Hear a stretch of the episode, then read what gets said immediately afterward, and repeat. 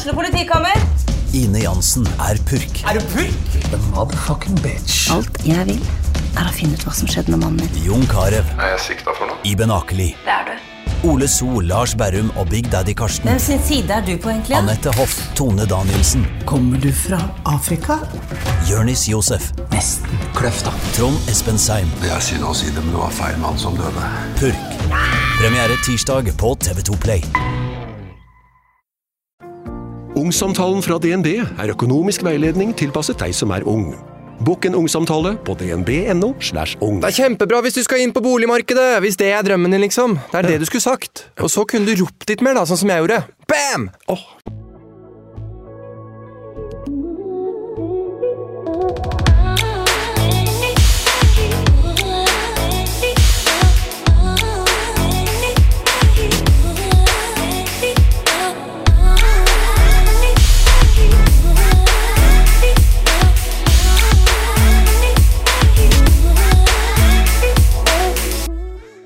Hallo og velkommen til en ny episode av Sykt ærlig med Martine. Jeg håper at du har en skikkelig fin dag, og at du har det bra. I dag skal du få lytte til en uh, annerledes episode. For litt siden så hadde jeg nemlig en uh, livepodkast som jeg har hatt lyst til å dele med dere i forbindelse med måneden som vi nå har hatt, uh, der vi har fått lytte til forskjellige jobber som vi alle kjenner til, men som vi kanskje ikke kan så mye om. For jeg hadde nemlig en livepodkast om eh, ja, livet mitt og jobben min og boka mi, den siste.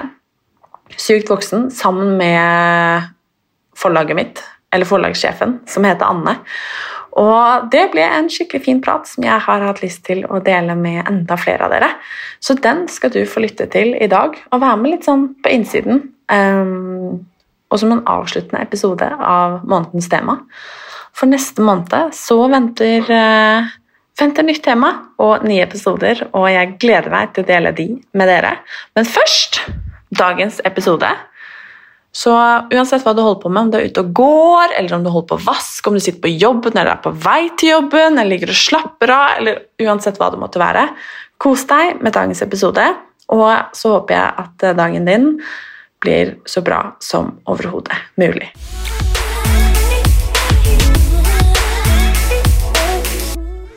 Jeg ble liksom flau, for jeg tenkte liksom ikke på at liksom, puppene mine på, på skjermen her, liksom. Vi begynner der. Sånn sett på ryggen, kanskje. Det er like greit. Det er Ok, men Hører dere meg nå, liksom? Ok, Ja. Så bra, da. Oh, jeg ble litt nervøs, jeg. veldig la, lave, deilige sofaer her i Grimstad. Hei, eh, velkommen til eh, dere. Eh, tusen takk for at eh, vi fikk lov å komme hit til dere i dag. Jeg heter Anne Gåthaug. Jeg er forlagssjef i forlaget Papermoon, som har gitt ut denne boka til Martine, som heter Sykt voksen. Um, og jeg skal prøve å ikke snakke altfor mye. Jeg skal jo egentlig bare sette meg tilbake og lytte. Nei da, vi skal ha en liten samtale. Jeg vil gjerne få lov å introdusere Martine. Martine Halvorsen, som er etter hvert blitt en eh, rimelig kjent uh, influenser på veldig mange eh, plattformer. Eh, forfatter av to bøker. Eh, veldig flink forfatter. Jeg har jobba med mange rare forfattere, kan jeg love dere. Og denne boka her syns jeg du har altså gjort en så utrolig god jobb med. Vi skal komme litt tilbake til det.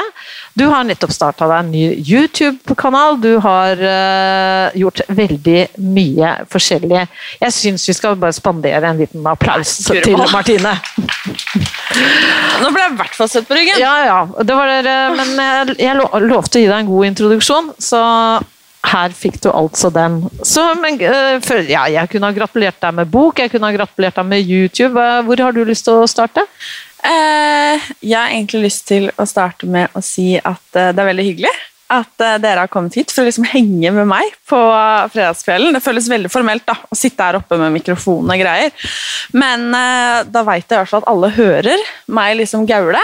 Eh, og jeg må jo innrømme at jeg og det å gjøre sånne ting her for meg er ganske skummelt.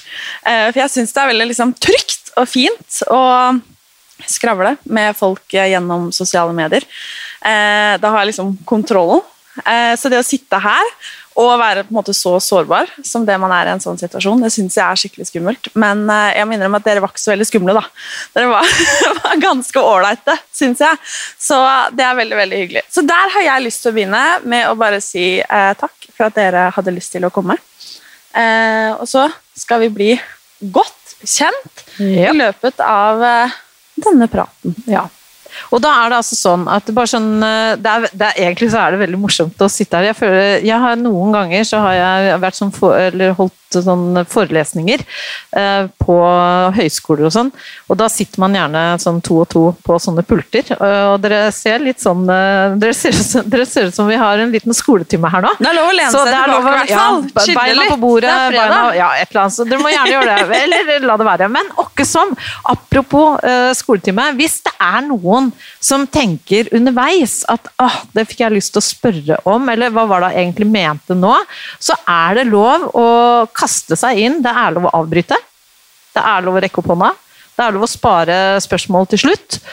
Og det er lov å ikke stille spørsmål i det hele tatt. For gjør dere ikke det, så bare gir dere også en bekreftelse på at vi har vært skikkelig klare og tydelige gjennom hele seansen. Da må jeg faktisk si noe gøy, for at eh, en gang så var jeg holdt eh, foredrag for en haug av lærere.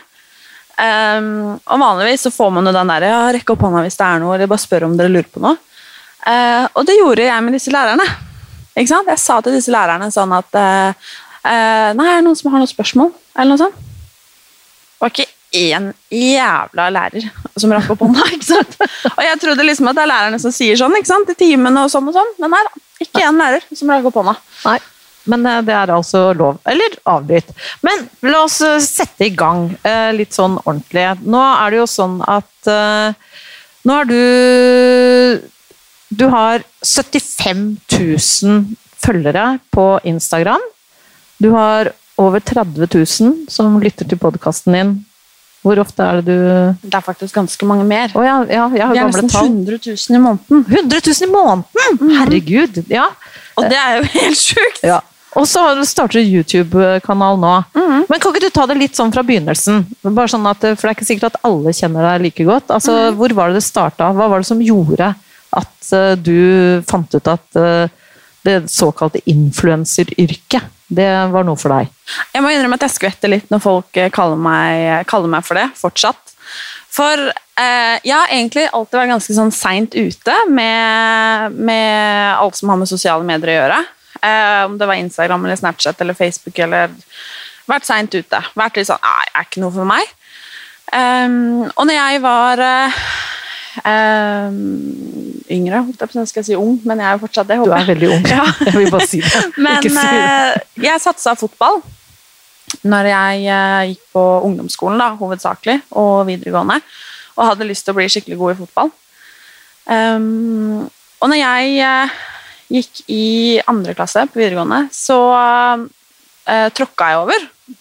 Egentlig ganske helt uh, uskyldig. Og så tenkte jeg at eh, dette her har jeg ikke tid til.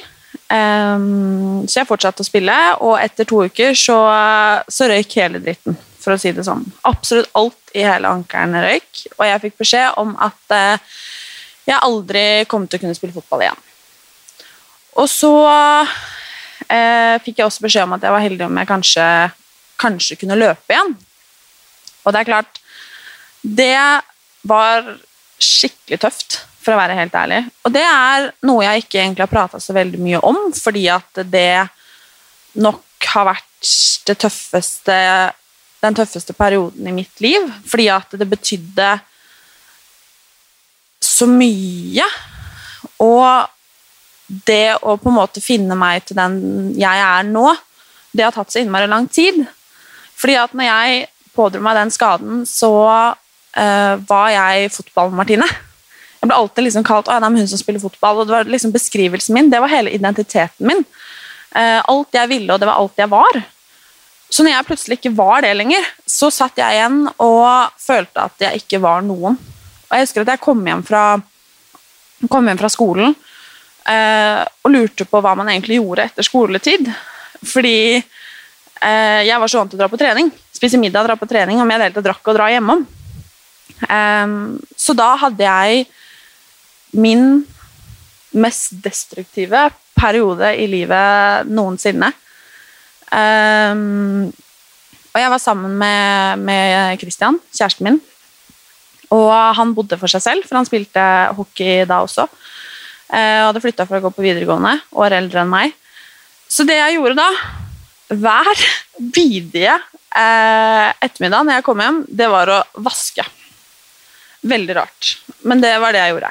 Eh, skrubba alt som var, og vaska. Og jeg hadde jo fått streng beskjed om at denne foten den skulle ikke gås på, for det tålte den ikke. Hva gjorde jeg? Jo, jeg gikk på den. Og ofte så fikk jeg så vondt at jeg kasta opp. Um, og det ble et skikkelig destruktivt mønster. Og det var Jeg tror det varte et halvt år. Og så satt jeg eh, Hvilket år er det nå? 2021? Jeg tror 20 Januar 2016 må det ha vært da. Så satt jeg på gutterommet eh, hjemme hos familien til Christian eh, og var skikkelig, skikkelig lei meg. For jeg hadde hatt en eh, skikkelig kjip nyttårsaften. Og eh, tenkte at jeg kan umulig være den eneste eh, i dette landet her som har hatt en kjip nyttårsaften, som har følt meg utafor og ensom og ekskludert. Um, og det var jeg også. Um, så jeg begynte å skrive. Um, og det jeg skrev, det var for langt å skrive på Facebook. Da skjønner du at jeg skrev det ganske langt. det er for langt å skrive der. Så jeg tenkte hm, hva gjør jeg nå? Så sendte jeg en melding til mamma og pappa, og så skrev jeg eh, Hei, jeg lager meg en blogg, skrev jeg. Og mamma svarte liksom ja, kult, liksom. Og pappa skrev bare kult, hva er en blogg? og det var egentlig der alt starta. Uten en motivasjon om at måte, jeg skulle sitte her Jeg er ikke så veldig god i matte, men hvor mange år det nå har blitt? Fem-seks år siden, da. Seks år, ja. Eh, og har skrevet to bøker og får sitte på en måte her og snakke med dere og gjøre det hver eneste dag i mine kanaler. Men det var der det begynte. Eh, Så du gikk, du gikk rett og slett eh, Du gikk fra eh, å være fotball-Martine til å bli vaske-Martine. Uh, og litt sånn uh, ikke så bra med meg selv-Martine, til å begynne på en sånn slags eh, blogg-Martine in spe. Ja, for det, det var første gang egentlig kanskje noensinne at jeg hadde følt meg liksom skikkelig eller god nok til noe. Men hva, hva gjorde det med deg? Eller, altså, så, ja, så hadde du denne nyttårsaften, og så skrev du denne teksten. Og så la, var, var det på nyttårsaften? Var det første nyttårsdag? Var det, Nei, det var, hva skjedde? eh, det var første, 1. januar, og jeg tenkte ikke så mye på det. Jeg hadde ikke tenkt å være blogger, holdt jeg på å si. Eh, Så når jeg hadde skrevet det, så føltes det ganske mye bedre å ha delt det. Det var litt sånn, hm, det, Dette hjalp, det hjalp å skrive om det, det hjalp å prate om det. Så jeg klappa igjen Mac-en, og så dagen etterpå så hadde jeg den, eh, det jeg hadde skrevet gått viralt på Facebook, så det ble delt overalt. Og da fikk jeg ikke den bekreftelsen på at oi, det er mange som, som liker det jeg gjør, men den bekreftelsen at oi, kanskje jeg kan gjøre noe annet. At jeg kan bidra med noe annet.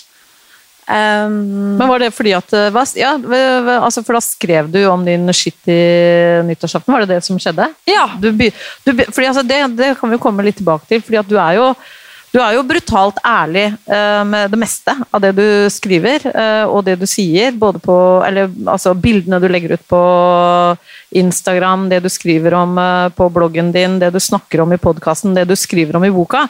Og du har jo også sagt til meg mange ganger at eh, du kan spørre om hva som eh, helst. Jeg deler alt. Det er bare å spørre. bare spør. Eh, og da er det jo det altså Var det der det begynte, da? Altså den de delingen og det der at du ser at andre kanskje kan identifisere seg med en del av det du bala med? Det har nok tatt en stund å på en måte komme hit. Det må jeg innrømme. For når jeg ble på en måte forsto etter hvert, etter ganske mange poster seinere og mye skriving seinere, at folk begynte å kalle meg for da en blogger, som jeg ble kalt da, så trodde jeg at jeg måtte oppføre meg og være og kle meg som en blogger også. Så jeg begynte jo da å gå med klær jeg ikke syntes var fine engang, og henge med folk jeg egentlig ikke syntes var noe ålreite. Og ha sånne forbanna lange negler som jeg ikke Hvis du jeg skulle liksom skifte tampong med en gang. Mm. Um, Det vil jeg gjøre. Nei da, det. fordi at jeg trodde liksom at det var sånn, sånn en profil måtte være. Ja, du gikk rett inn i den der eh, litt sånn stereotype rosa blogger-sfæren? Ja, ja. og der følte jeg meg ikke hjemme i det hele tatt. Um, så etter hvert så skjønte jeg at dette her går jo ikke. Altså, jeg liker jo ikke meg sjæl engang. Og da fant jeg ut at hvis jeg skal gjøre det her, så skal jeg gjøre det er fordi på en måte det som var motivasjonen min første gang. Med å på en måte dele fordi at det måtte være noen flere som meg. Og hele motivasjonen min med alt det jeg gjør, det er jo at ingen skal trenge å føle seg alene om å ha det sånn som de har det. Og at vi skal kunne snakke om altså, absolutt alt. Både de tingene som er dritbra, men også de tingene som er kjempevanskelig, og de tingene som er flaut eller kleint, eller hva det nå er. Fordi jeg har brukt så sjukt mye tid da, i løpet av mitt liv på å føle meg alene, alene om ting. Og det gjør jeg fortsatt. Støtt og stadig så gjør jeg det. Um, Men hva, er, men hva er da den, den store drivkraften din? Er den da at eh, du får liksom tilbakemeldinger på at folk kjenner seg igjen i det du sier, og at du på en eller annen måte altså, hjelper, eller hva jeg skal kalle det, da, eller altså, bidrar til at folk kanskje kan synes litt bedre om seg sjæl? eller er det at du Eller er det en litt sånn eh, Ja, hva skal jeg si Sånn bekreftelse til deg selv da, på at du har kommet et skritt videre? Skjønner du hva jeg mener? Altså, det er egentlig et godt, godt spørsmål, fordi motivasjonen min eh, det er jo å gjøre Altså bruke stemmen min og gjøre en forskjell. Og jeg lagde meg et sånn motto ganske sånn tidlig at jeg har lyst til å være den profilen jeg selv hadde trengt da jeg var 16 år. Mm. Um, at jeg aldri skal gjøre noe som ikke jeg hadde syntes vært Eller som ikke hadde vært greit at lillesøsteren min hadde blitt eksponert for. Og det er interessant at du sier det der med måte, den bekreftelsen til meg selv. Fordi likes eller kommentarer eller følgere i seg selv har egentlig aldri vært motivasjonen min. Det er bare en bonus at jeg er heldig å få nå ut til flere. Men det å kunne gjøre en forskjell, det er det som på en måte står desidert sterkest. Og så har jeg merka at på veien det å si det som det er, dele bilder av, sånn som det er å være helt ærlig, det har hjulpet meg også. For at jeg har blitt eh, mindre fin på det. Og mindre prippende og tatt meg selv eh, mindre høytidelig. Så jeg har på veien også blitt tryggere i meg selv. Fordi at jeg kanskje har skjønt at det er ikke så jævla nøye hele tiden. Nei. Men du skal jo være ganske tøff eh, tross alt da, for å, å, gjøre det og tørre det. Så sånn sett så syns jeg jo den derre den eh, Jeg liker veldig godt den eh, den formen som du har. Det var derfor jeg tok kontakt med deg første gang nå. Jeg bare kom over denne profilen din. Nå er jo jeg en veldig Jeg kunne jo vært om i hvert fall vært mora di. Jeg kunne nesten ha vært bestemora di. Um, men allikevel så syns jeg det var, det var veldig befriende, egentlig, å, å følge den Instagram-profilen din. Og det er fordi at jeg har en datter, eller stedatter, da, men egentlig datter, for jeg har vært bonusmora hennes siden hun var fire år.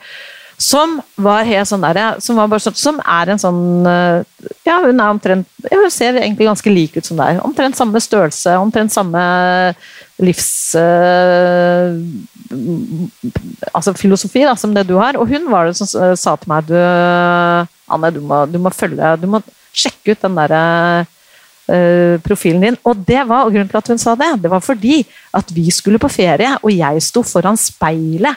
Og så skulle jeg prøve en, en sånn badedrakt som jeg hadde kjøpt i fjor, eller året før, som jeg syntes var så innmari fin da. Og så tok jeg den på meg, og så ble jeg så utrolig kritisk når jeg så på meg sjøl i speilet. Og Marte Milie, da, min uh, bonusdatter, hun var sånn Å, fy søren, den kledde, du er så fin i den badedrakta. Og jeg, jeg, så jo alt det som jeg ikke syns var fint. Uh, og da var hun, så blei hun litt streng med meg, da. Og så anbefalte hun meg å gå inn og sjekke ut din eh, Instagram. og sa at det er jo litt gøy, Anne, at jeg kan gi deg noen sånne tilbakemeldinger på hva du trenger å se på og følge med på, når du helt åpenbart ikke klarer å finne kildene sjøl. Um, og så, ble, så gikk jeg inn og sjekka ut uh, din profil, og der, og det er liksom da lyst til å bare si at vi snakker litt grann om den derre helt konkrete valget du har gjort da, i forhold til det som Er det det man kaller kroppspositivisme, eller er det Altså, si litt om det. Du bruker jo mye tid og plass til det. Ja, jeg har aldri selv kalt meg en kroppspositivist. Um, for at det er jo utgangspunktet, så sånn politisk, en bevegelse som er laget for veldig marginale grupper. Og min kropp er ikke det. Jeg er en helt vanlig, frisk eh, jente, ung dame, eh, som har mitt. Eh, og for meg så har det blitt viktig å vise at det er greit. Fordi at jeg selv har brukt så sjukt mye tid. Altså, jeg har kasta bort altså, sikkert til sammen liksom, månedsvis av livet mitt på å være negativ og destruktiv mot meg selv.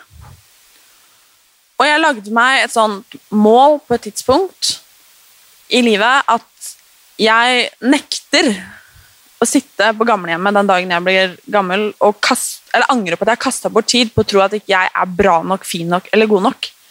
For det er så sjukt mye annet jeg har lyst til å bruke tiden min på. Og da blir jeg liksom sånn at jeg har lyst til å gjøre så kanskje noen andre gjør det samme. At man i hvert fall er bevisst på det. At vi slutter å bruke tid på at man har hår på tærne eller strekkmerker der eller litt mer der eller skeive pupper eller hva faen vi har. For det spiller jo ingen rolle. Og jeg får ofte spørsmål om dette er med å elske seg sjæl. Det er noe jeg får mye spørsmål om. Hvordan kan jeg lære å elske meg sjæl? Og da prøver jeg å være ærlig på at det er ikke sånn at jeg går rundt og elsker meg sjæl hele tiden. eh, snarere tvert imot. Jeg er mye mer der at jeg prøver å tenke at det ikke er så nøye. Um, det å bare akseptere at det er sånn det er. For igjen, det er så mye annet jeg har lyst til å bruke tiden min på, som jeg syns er så mye viktigere enn å bry meg om hvordan jeg ser ut. For at jeg tror ikke at min verdi ligger i, i kroppen min, eller hvordan jeg ser ut. Jeg tror ikke at jeg blir en bedre venn av å være litt tynnere, eller at jeg blir eh, en bedre kjæreste med å hva da, jeg, dummeste tingene jeg har gjort. altså Gnikke bananskall på tenna fordi en idiotisk frisør fortalte meg at jeg får hvitere tenner. liksom. Jeg blir ikke en bedre kjæreste av det, vet du. Fikk du det rådet? Ja, altså, og Hvor gammel var jeg da? 14 år, tror jeg. Og det er liksom, så det har blitt så viktig for meg å vise at det går fint. Livet handler om så sjukt mye mer da, enn om hvordan vi ser ut og hva vi møter i speilet. Og at det heller burde handle om å på en måte ta vare på oss selv. Sette pris på oss selv. Og alt hva kroppene våre gjør for oss. At alt de står i med oss. Alle de tunge dagene i løpet av livet, de periodene, altså krisene til og med, som den står i sammen med oss, uten å nikke, liksom. Den bare er der, og så er den så sjukt grei med oss, da. Og så er vi så kjipe tilbake. Jeg har i hvert fall vært det, og jeg har fortsatt dager der jeg er det. Dritkjip mot den. Og jeg prøver hver eneste dag å bruke minst mulig tid på det. Men da, da, blir det et bevisst valg, eller en, bevisst handling, ikke sant? Der, for jeg tenker sånn øh, Eller det som jeg kjenner litt igjen i det du sier, da, det er jo litt sånn det derre øh, Hvis jeg sitter med mine venninner, øh, og vi sitter og snakker om, om, disse tingene her, så er det jo litt sånn Det som vi stadig kommer tilbake til, det er jo den derre den der, uh, hvor slem du er mot deg selv i forhold til andre.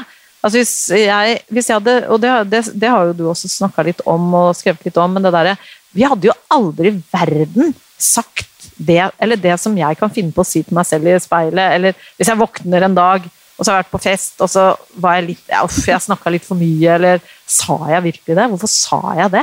Eh, og så vet jeg jo det, at det er jo 10 000 andre som sannsynligvis har sagt akkurat det. Og det, det er bare sånn, Hvis jeg kan komme med et litt sånn gammel koneråd, eh, så må jeg bare si det, at de gangene dere våkner opp om morgenen, har vært på fest, enten med eller uten alkohol, og så tenker dere å fy fader, jeg sa det, å herregud, jeg er verdens verste, jeg er verdens dummeste, er det mulig å være så tjukk i huet? Det kan vi finne på å si til oss selv. Vi ville aldri ha sagt det til en venninne. Hvis venninna di ringer deg og sier å herregud, vet du hva jeg sa? Og så vil du si til venninna di ja, men kjære deg, det var jo ikke så gærent. Nei, nei, nei. Du, du, altså, du var ikke den eneste som snakka høyt den kvelden. Eh, altså, dere kjenner igjen dette her, kanskje, eh, vil jeg tro.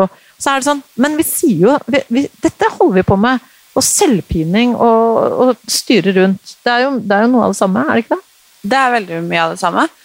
Eh, og jeg tror mye av det handler om at vi alltid har blitt fortalt og blir fortalt at vi skal være sånn eller sånn eller passe inn her eller der. At vi skal være pene, men ikke så pene. Vi skal være tynne, men ikke så tynne. Vi skal, vi skal, tørre å snakke for oss selv, men vi skal ikke tørre å snakke så høyt. Vi skal ta plass, men ikke for mye plass. Vi skal pynte oss, men ikke være så pynta. Hele livet så har vi blitt fortalt det. Um, og det sitter i hvert fall ekstremt godt i mm. hos meg. Ja. Det å Det snakker jeg litt om i, i den siste boka mi, og dette her forbanna flink pike-syndromet som, som, jeg alltid har hatt, og fortsatt har. Jobber med det hver eneste dag. Dette med at alle skal like meg, og jeg skal gjøre alle til lags. og um, Jeg kan merke det sånn som før jeg kom og satte meg her, nå, sammen med dere, så kan jeg merke at jeg tenker men herregud, tenk om noen går herfra så syns de ikke at jeg er noe ålreit. Eller tenk om ikke de liker meg. Mm. Og det er ganske rart, da hvor liksom hardt det sitter. For selv om jeg forteller meg liksom Ok, nei, det, de, de syns sikkert du er helt ålreit, Martin. Prøver liksom å være, tenke de tankene der. Så sitter det så sykt godt og hardt i. Um, og det der at vi hele tiden på en måte streber for hva alle andre ønsker og vil, framfor hva vi selv vil. For det gjør vi hele tiden den der frykten av hva alle andre skal tenke om oss. Om det er at vi kanskje føler at man har valgt feil studie, er livredd for å slutte fordi da blir mamma og pappa skuffa. Eller at det Ja, det fins en haug av eksempler, og vi møter dem hver uke. Alle sammen. I, i en liten eller stor grad. Um, og jeg må bare si det, da, apropos det der med å ikke like noen. For det er kanskje altså, dere kjenner dere kanskje igjen, men jeg har alltid vært hun som hvis jeg vet at det er en som ikke liker meg, så har jeg brukt all min energi på at den personen skal like meg. Mm. Um, og helt glemt alle andre som syns at jeg er kul, liksom. Den personen, den skal jeg få til å like meg. Selv om det kanskje er helt umulig. Det spiller ingen rolle, fordi at jeg er så opptatt av at alle skal gjøre det. Så nå i senere tid så har jeg liksom kommet dit at jeg liker jo ikke alle. Hæ? Utrolig nok. Fins noen jeg syns er litt Ja, nei. Um, og da kan jeg ikke forvente at alle liker meg heller. Mm. Og så finnes det folk som ikke liker Beyoncé. Og det pleier jeg å minne meg på. Sånn som i stad, før jeg satt meg her. Det finnes de. Og når jeg tenker på det, så går det litt bedre. Det var bra. Det var, fint, det var fint sagt. Det skal jeg jammen huske litt på. Jeg har bare lyst til å bare så nevne så vidt da, at denne, det er jo det hele denne boka her eh, handler om. er jo de der eh, veldig fine sånne tips and tricks, eh, spør meg, i forhold til hvordan hvordan man, altså Gode råd og gode sitater, gode fortellinger og anekdoter om hvordan man kan liksom gå kan, fra det ene til det andre. Vær så god. Den er min. Jeg tror det står på 131. Den skal jeg lese for dere. På side? 131. 131. Om jeg husker riktig. Ja. Apropos det jeg sa nå, så har jeg skrevet tre gode grunner til å gi mer, uh, mer faen. Det er greit at jeg leser de nå? Vær så god. Eh, apropos, liksom. Nummer én så har jeg skrevet at eh, du lever nå, og det er ditt forbanna liv, og det er du som skal være fornøyd, ikke alle andre. Nummer to Gjør ting du har lyst til. Si nei om du eh, ikke vil. Ja om du vil. Og drit i sånn som bare tapper deg for energi. Gi faen. Og aksepter. Det å gi faen handler ikke om at du skal drite i andre eller i verden, men om at du må akseptere. Livet skjer ikke ut fra hva vi syns er rettferdig eller ikke. Livet skjer. Lik det, eller la være. For det er noe jeg jobber med hver eneste dag. Det å ja, rett og slett gi litt mer faen. Gi litt mer beng. Tenke at det er ikke så nøye. Og jeg er langt ifra i mål. Altså, herregud, det hadde vært litt kjedelig Ja, du er 23 år, så Ja, takk og pris. Det. det hadde vært litt kjedelig å vært i mål, liksom. Runda livet eh, i en alder av 23. Nei, det går ikke. Men du er på god vei. Jeg jobber med Ja, saken. jeg syns du er god. Eh, jeg, fordi jeg tenkte sånn, jeg har bare lyst til å litt sånn videre i forhold til disse her, um, plattformene dine.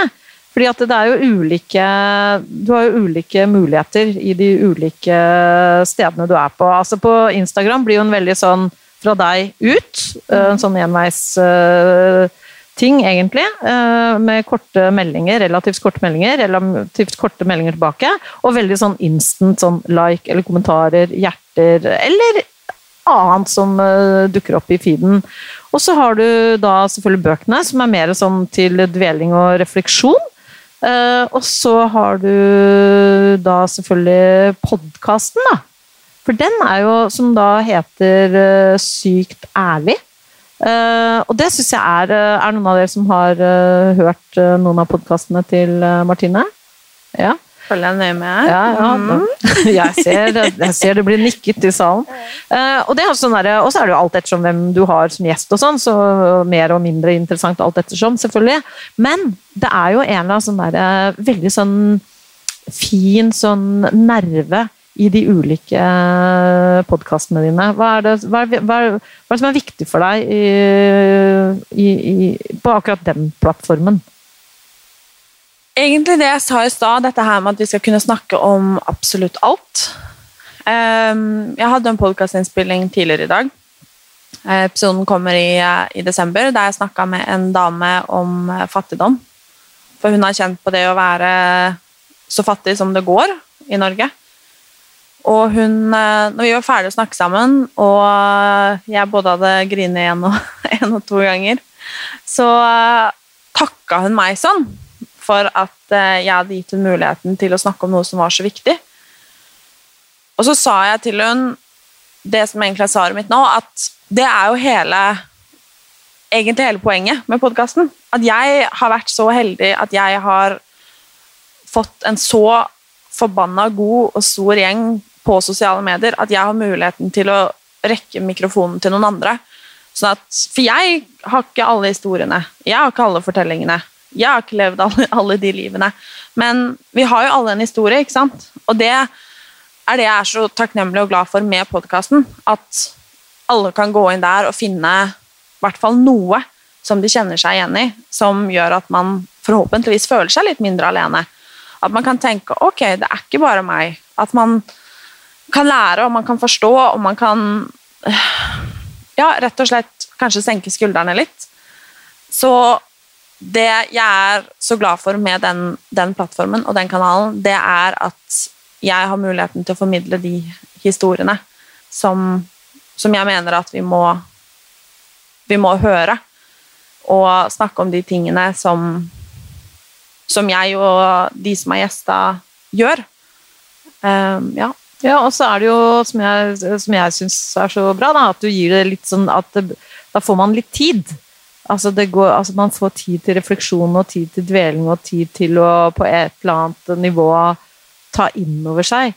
Altså, Man får rett og slett tid. sånn at når dere er ute og går tur i skogen eller langs veien, eller sitter på bussen eller kjeder dere på lesesalen og ikke orker å lese akkurat den boka, så kan dere putte den der lille proppen i øret, og så kan dere lytte til en historie som er litt sånn utenfor dere selv, men som allikevel kan gi litt sånn grunnlag for refleksjon, da.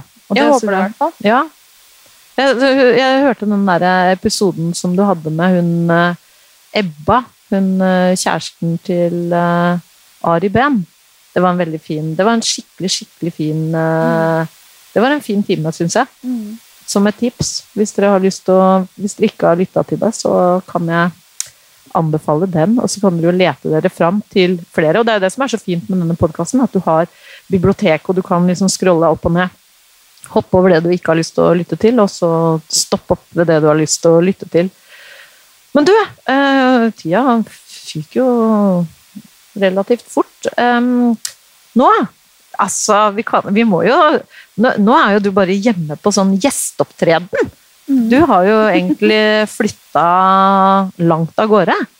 Altså, du bor jo i sjølveste Uniten. Yes! Ja. Grei ut!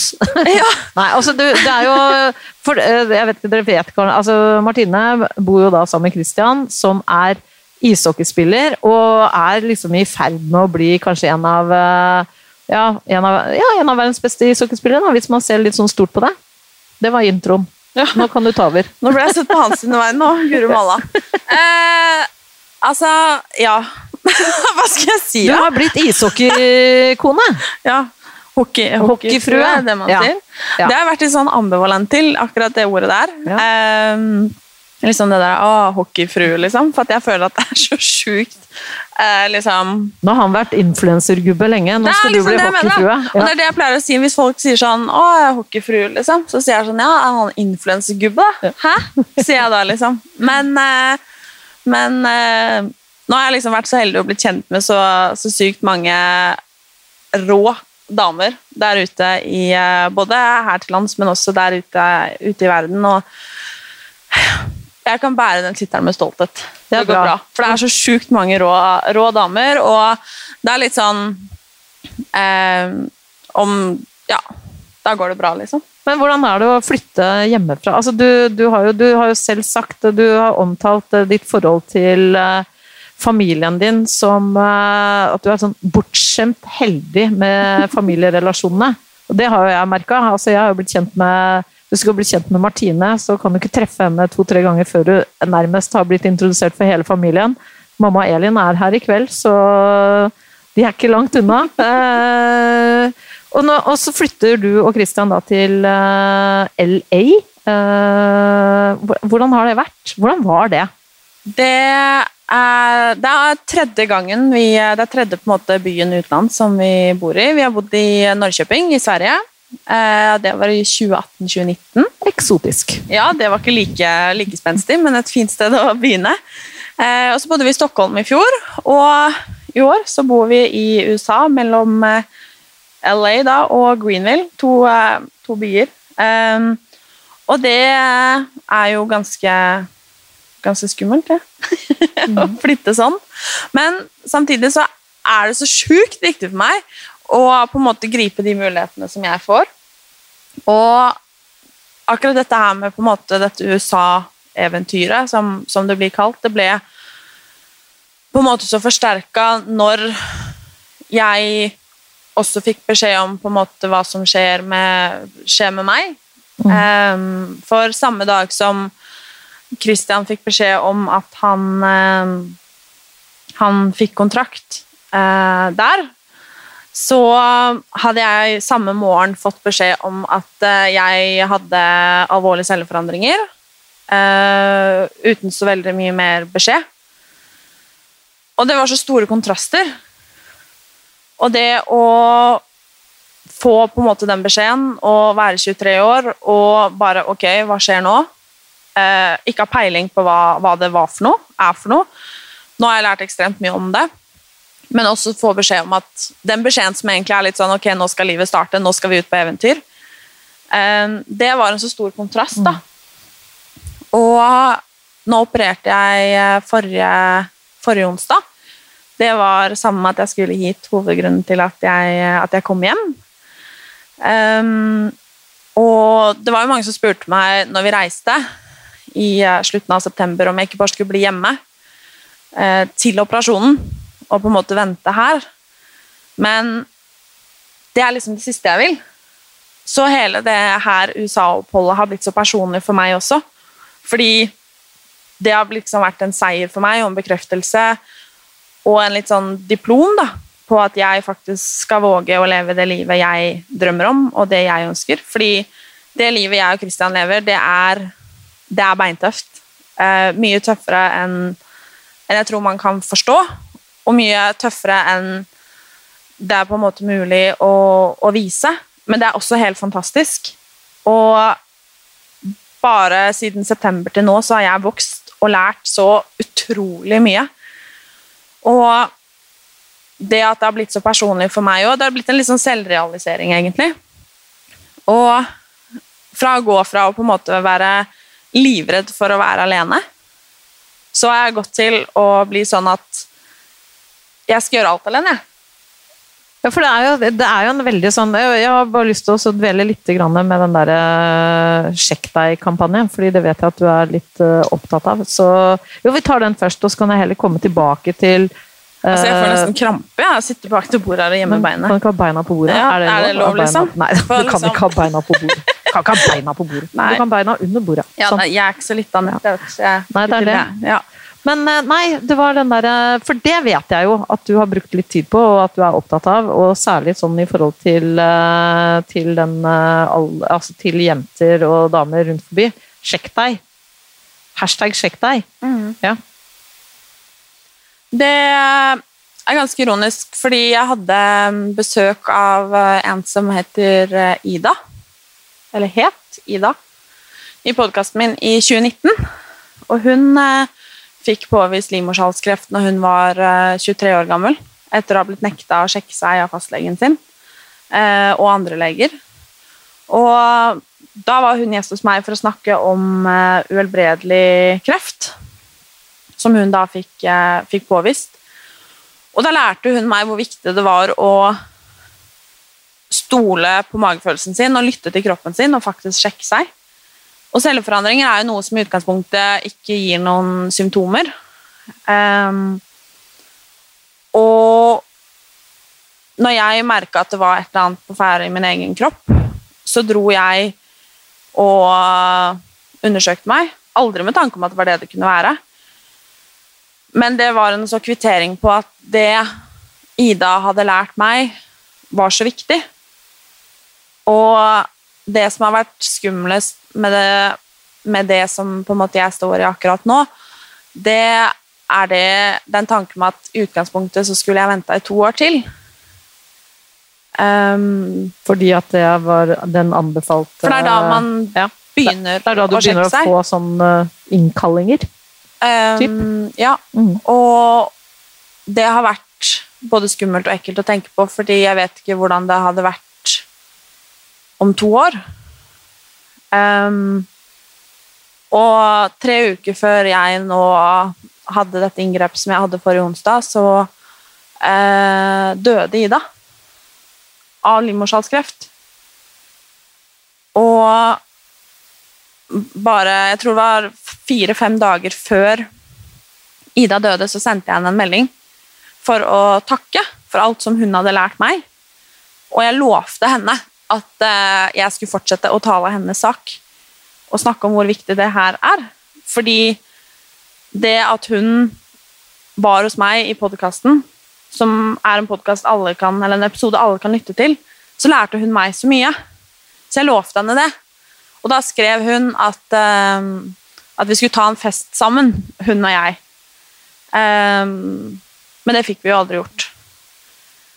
Så det her har kanskje blitt min, sammen med kvinnehelse generelt, min største hjertesak. Fordi at det gjelder oss alle, og det gjelder meg, og det har blitt så så sjukt personlig. For at det er så lett å tenke at det ikke gjelder gjelder meg. Og tenke at nei, men han er jo helt fin og frisk. Og jeg også er helt fin og frisk. Og det skal jeg fortsette å være. Men derfor er det så viktig at jeg sjekka meg, og at jeg gjør det og går gjennom det som jeg går gjennom nå. Um, selv om det er skikkelig dritt. Så ja. Så sjekk deg. Det er vel det vi prøver å si her. Det er veldig smart å gå og sjekke seg. Du, altså Hvis at eh, vi, vi, altså, vi må faktisk gå inn for landing, fordi vi skal videre til uh, Kristiansand. Um, men vi har jo Altså, vi Noen ganger så hender det at folk spør oss, eller spør deg om ting. Noen ganger så spør de ikke helt tydelig, men på den annen side så hender det at de sender inn noen spørsmål eh, på forhånd. Jeg tenkte jeg bare skulle Det er ett spørsmål som eh, gjerne går igjen, og som jeg tenker at eh, jeg har lyst til å, å bare fordi at vi må, vi må, slutte med den der litt sånn positive greia, har jeg tenkt. Og da er det et spørsmål som er fordi at det er jo Folk tenker mye om på det. Hvordan kan jeg lære å elske kroppen min? Det var fra en veldig en side til en annen, men jeg syns det er et veldig godt spørsmål. Det er et veldig viktig spørsmål. Hva svarer du når folk spør om det? Mm. Jeg nevnte jo litt om det, om det i stad. Um, og sånn som jeg sa òg, så er det ikke sånn at uh, jeg verken tror eller gjør det selv, går rundt og elsker meg sjæl hele tiden. Og jeg tror ikke nødvendigvis at det er et, er et mål heller. Men det aller viktigste, um, det er å, tror jeg, akseptere. Og faktisk ikke være så opptatt av det. Ikke være så nøye på det. Og heller innfinne seg med at det kommer kjipe dager innimellom. Og så får man nyte de gode og bruke de gode dagene til å ruste seg opp, uansett hva det gjelder i livet. For det å elske kroppen sin er én ting, men det å være tilfreds med seg selv, det er en annen ting. Og vi kan hele tiden ta aktiv, aktive valg da, som gjør at vi føler oss bra og bedre med oss selv. Og jeg tror vi alle vet på en måte hva som både er anbefalt og hva som er lurt. Uh, alle disse tingene som å trene og spise sunt og sove nok og få frisk luft og bla, bla, bla. Um, og det er det så mange som, som, forteller om og lærer bort. Så det jeg har lyst til å lære bort, bruke min plattform til, er dette her å gjøre disse valgene som er best for en selv, og sørge for å ta vare på seg selv. For jeg tror ikke at det er mulig å Om man skal si elske seg selv, da, eller like seg selv, om man ikke går virkelig liksom inn for det og jobber med det. Og jeg tror i hvert fall ikke at det går an å elske kroppen sin om man ikke liker den man er. Så jeg tror at det er det beste stedet man kan starte. Med å rett og slett jobbe med hvem jeg vil være. Hvilke signaler har jeg lyst til å sende? hva har jeg lyst til å være stolt av? Og minne seg selv på det der at jeg nekter å sitte på gamlehjemmet og angre på at jeg kasta bort tid på å tro at ikke jeg var bra nok, fin nok eller god nok. Det syns jeg var en veldig, veldig fin avslutning. Jeg bare tenkte at jeg bare skulle minne dere på, da. Vi har, altså, kan treffe Martine på Instagram, på podkasten din på YouTube-kanalen din. Hva heter den? Uh, uh, uh, Martine Halvorsen, tror jeg. Den heter Martine Halvorsen, så den skal være lett å finne. er det flere plattformer jeg har glemt? da? Blogg, ja. Selvfølgelig. Ja. Og selvfølgelig bok. Ja, og Snapchat. Og Snapchat. Ja. ja. Og så er det lov å komme etterpå, da. Det er veldig hyggelig hvis noen har lyst til å si hei. Ja. For jeg setter veldig, veldig pris på det som sagt. Og hvis noen av dere har lyst til å kjøpe bok, men dere må ikke det, altså. Det er bare sånn hvis dere har lyst, så er det sånn maksrabatt. 299 kroner hvis dere har lyst å få en signert, eh, personlig signert utgave. Men no pressure! Bare så Nei, det er sagt. Aldri. aldri pressure. Men jeg bare, før vi, før vi rapper opp, eh, er det noen som lurer på noe? Ingen Nei, hånda oppe. Det er helt døden. Jeg hadde ikke lurt på det, jeg heller. Nei, jeg sånn. synes også sånn, men greit. hvis det er noen som lurer på noe allikevel, og tenker at jeg, jeg tror jeg tar det én til én, så er det Da har vi Vi har uh, ti minutter før vi må stikke av gårde. Mm. Ja. Men du, det var veldig, veldig hyggelig. Dere var veldig lydhøre. Det er skikkelig, skikkelig studenter her i Grimstad, altså. Ja, det får du si. Så takk for, uh, takk for denne skoletimen.